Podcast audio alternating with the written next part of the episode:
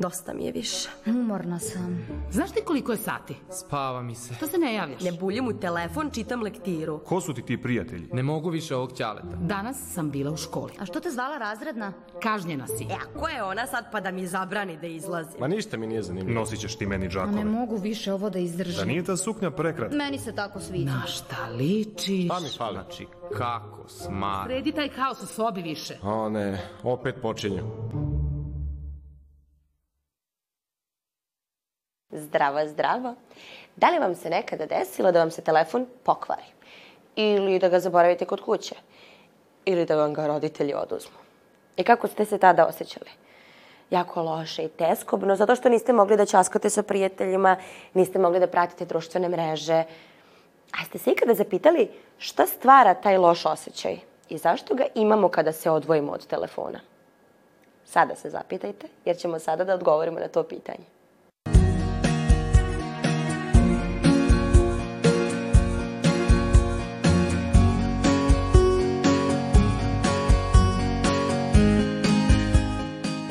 Su današnji problemi dece? Današnji problemi dece su mnogo složeniji odnosno neki raniji perioda, a jedan od razloga toga je upotreba moderne tehnologije, tako da kažem, odnosno a, deca puno vremena provode na društvenim mrežama, odnosno na internetu i a, tamo ima puno izazova, a deca vrlo često ne znaju koje su to pozitivne, koji su to negativni izazovi korišćenja interneta. I da kažem, mnogi istraživanja govore o tome da biti na Snapchatu ili na Instagramu je pod, na neki način pod obavezno kod dece od petog razreda pa čak i u mlađim uzrastima. Tako da a, problema je što deca vrlo često ne prave razliku između stvarnog i online života i to stvara problema kako deci, tako i roditeljima i nastavnicima, jer vrlo često deca su mnogo slobodnija preko tih društvenih mreža kada je komunikacija u pitanju, odnosno mnogo slobodnije kada je u pitanju šikaniranje vršnjaka ili takozvano, da kažem, vršničko nasilje. Kada pričamo o tome šta bi bio neki, da kaže, najveći izazov roditelja prema tinejdžeru, je to da njih naučimo kako da oni odgovore na izazove koje njih okružuju. Znači, previše toga se servira neselektovano i oni negde treba u svemu tome da pronađu svoje mesto, što nije ni malo lako. Ja ne znam, ja sam pre neki dan instalirala TikTok, nešto vezano za posao je bilo, morala sam. ja sam se frapirala kad sam videla šta se tamo nalazi. A oni to svakodnevno konzumiraju. Na koji način i ko to najviše može i najbolje može da uradi da se smanji upotreba telefona i interneta kod dece?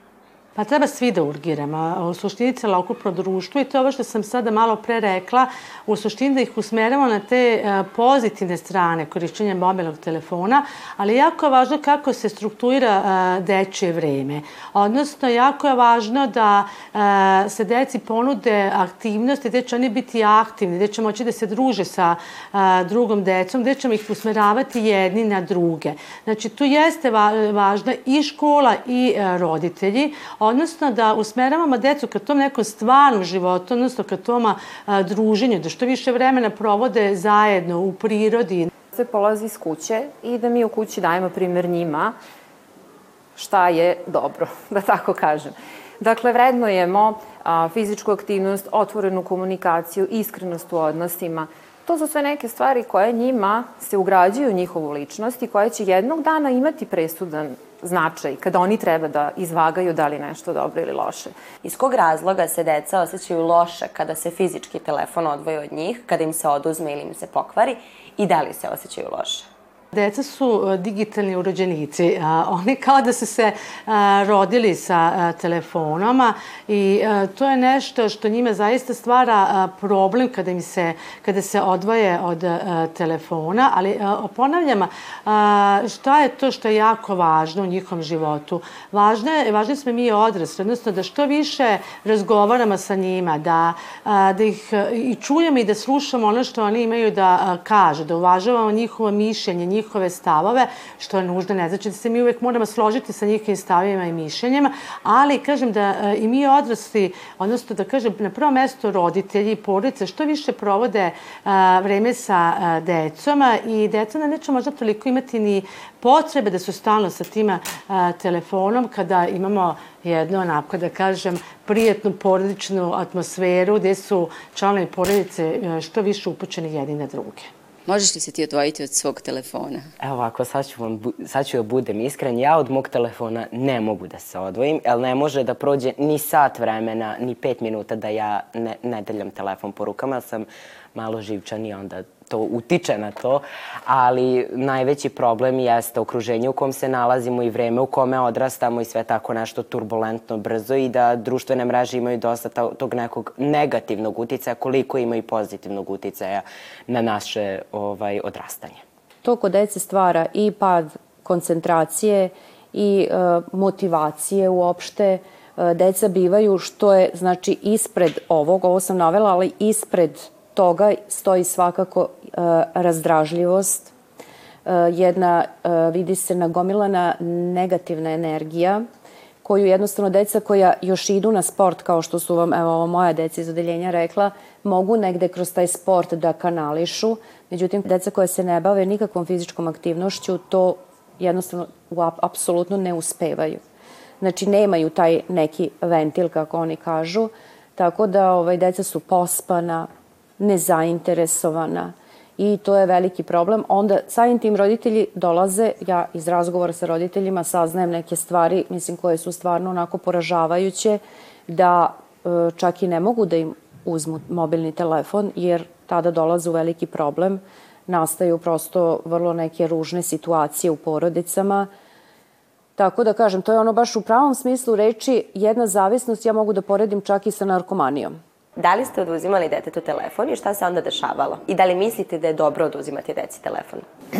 Jesam, naravno, oduzimala sam. Sada, možda moj primer nije najbolji, jer e, moje dete tako reaguje na kaznu. Da kad je u kazni, on samo pita koliko, ja kažem koliko i on kaže dobro. I to je to. On isčeka svoju kaznu da prođe i prosto nema neka prevelika reakcija s njegove strane. Nije pokazivao nikakve znake zavisnosti, ako ćemo da pričamo o tome. Prosto prihvati da je to to, privremeno sankcionisanje i na tome se završi. Svi mi koristimo telefone, ali na koji način da prepoznamo da se kod nas stvorila zavisnost i da to više nije dovoljna i dobra upotreba telefona, već je prešlo u zavisnost. Kada prelazi u zavisnost, to znači da deca a, jednostavno ne mogu da spavaju, okupirani su telefonom, a, ne interesuje ih ništa, ne interesuje ih ni škola, ne interesuje ih na druženje. A, ako roditelji a, pokušaju da im uzmu telefon, a, može da se javi agresivno ponašanje ili čak i depresija, odnosno to može čak da se javi neki mentalni poremećaj i onda je to za, zaista signal, odnosno znak da je detetu potrebna pomoć i podrška svaki roditelj ima drugačiji problem. Naš konkretan je njegova nemotivisanost da uči. Pretpostavljam da ve, veći broj dece ima isti problem, nisu nešto motivisani da imaju dobre ocene, ali ja mu kažem da to jednostavno utiče na njegovu koncentraciju koja će biti vrlo, vrlo ovaj, loša ukoliko konzumira telefon više nego što treba. Kao što znamo, deca se ugledaju na roditelje. Ukoliko roditelj koristi telefon, kako može da mu kaže da onda on ne može da koristi? Jako je važno e, roditelji da upute decu za čega koriste te e, mobilne telefone. Odnosno, ako i dete vidi da roditelj koristi mobilni telefon za neko učenje, za neko usavršavanje, e, za širenje neki, nekog, da, za dobijanje nekih koristih informacija i ako se detetom razgovara o tome zašto koristi taj mobilni telefon, ako se otvoreno razgovara sa detetom koje su prednosti i nedostaci korišćenja mobilnog telefona, odnosno društvenih mreža i to će i deca usvojiti. Jako je važna i škola, jako smo važni i mi koji radimo u školi, važni su i vršnjaci, ali kažem, najvažnije je ta dobra saradnja i dobra, sara, dobra komunikacija između roditelja i škole. Odnosno, najvažnije je razviti taj odnos poverenja između porodice i škole i samo tako možemo na pozitivan način da utičemo na našu decu. Sada smo čuli da mobilni telefon može da izazove neku vrstu zavisnosti. Ali ja znam da vi znate da on može i pametno da se koristi. Pa ne zove se slučajno pametni telefon. Na našem YouTube kanalu imate sve zadatke sa male mature i zato sada uzmite telefon u ruke i pametno ga koristite. Odredi zapreminu traktorske prikolice oblika kvadra koristeći podatke prikazane na slici.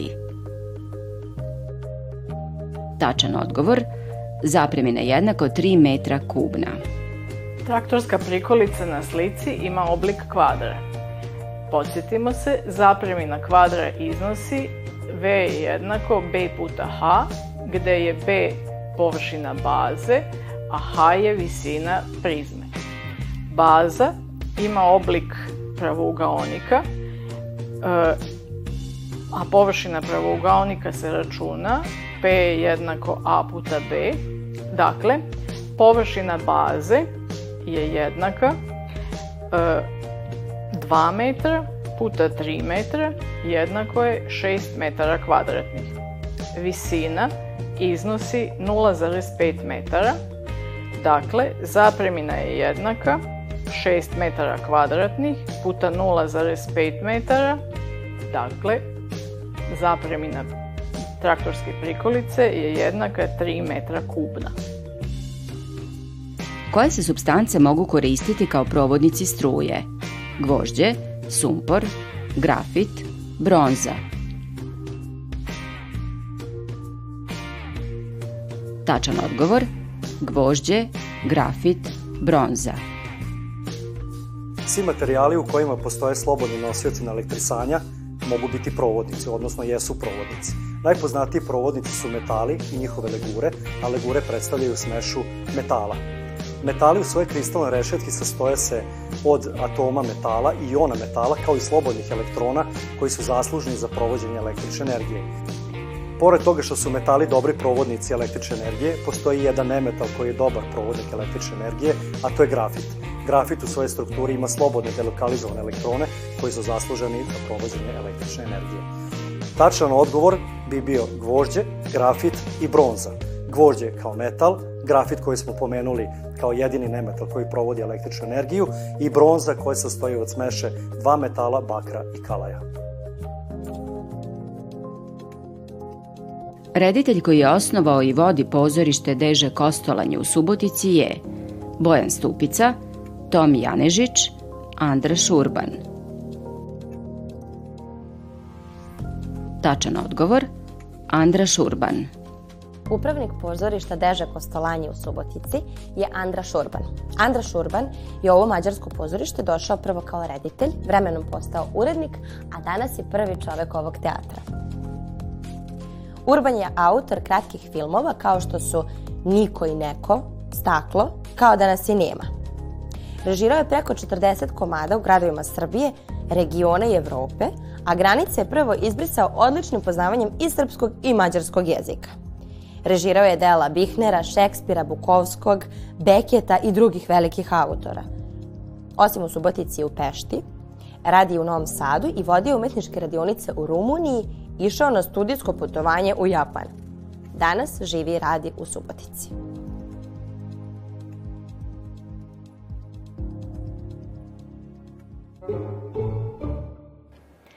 Ukoliko niste sigurni koliko u toku dana koristite mobilni telefon, instalirajte aplikaciju koja će to da radi umesto vas i pokušajte da oborite rekord.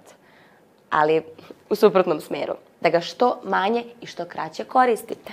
Zato postanite rekorderi, manje koristite taj telefon, više se družite, a do sledeće emisije, dok se mi ne budemo zajedno družili, zdrav!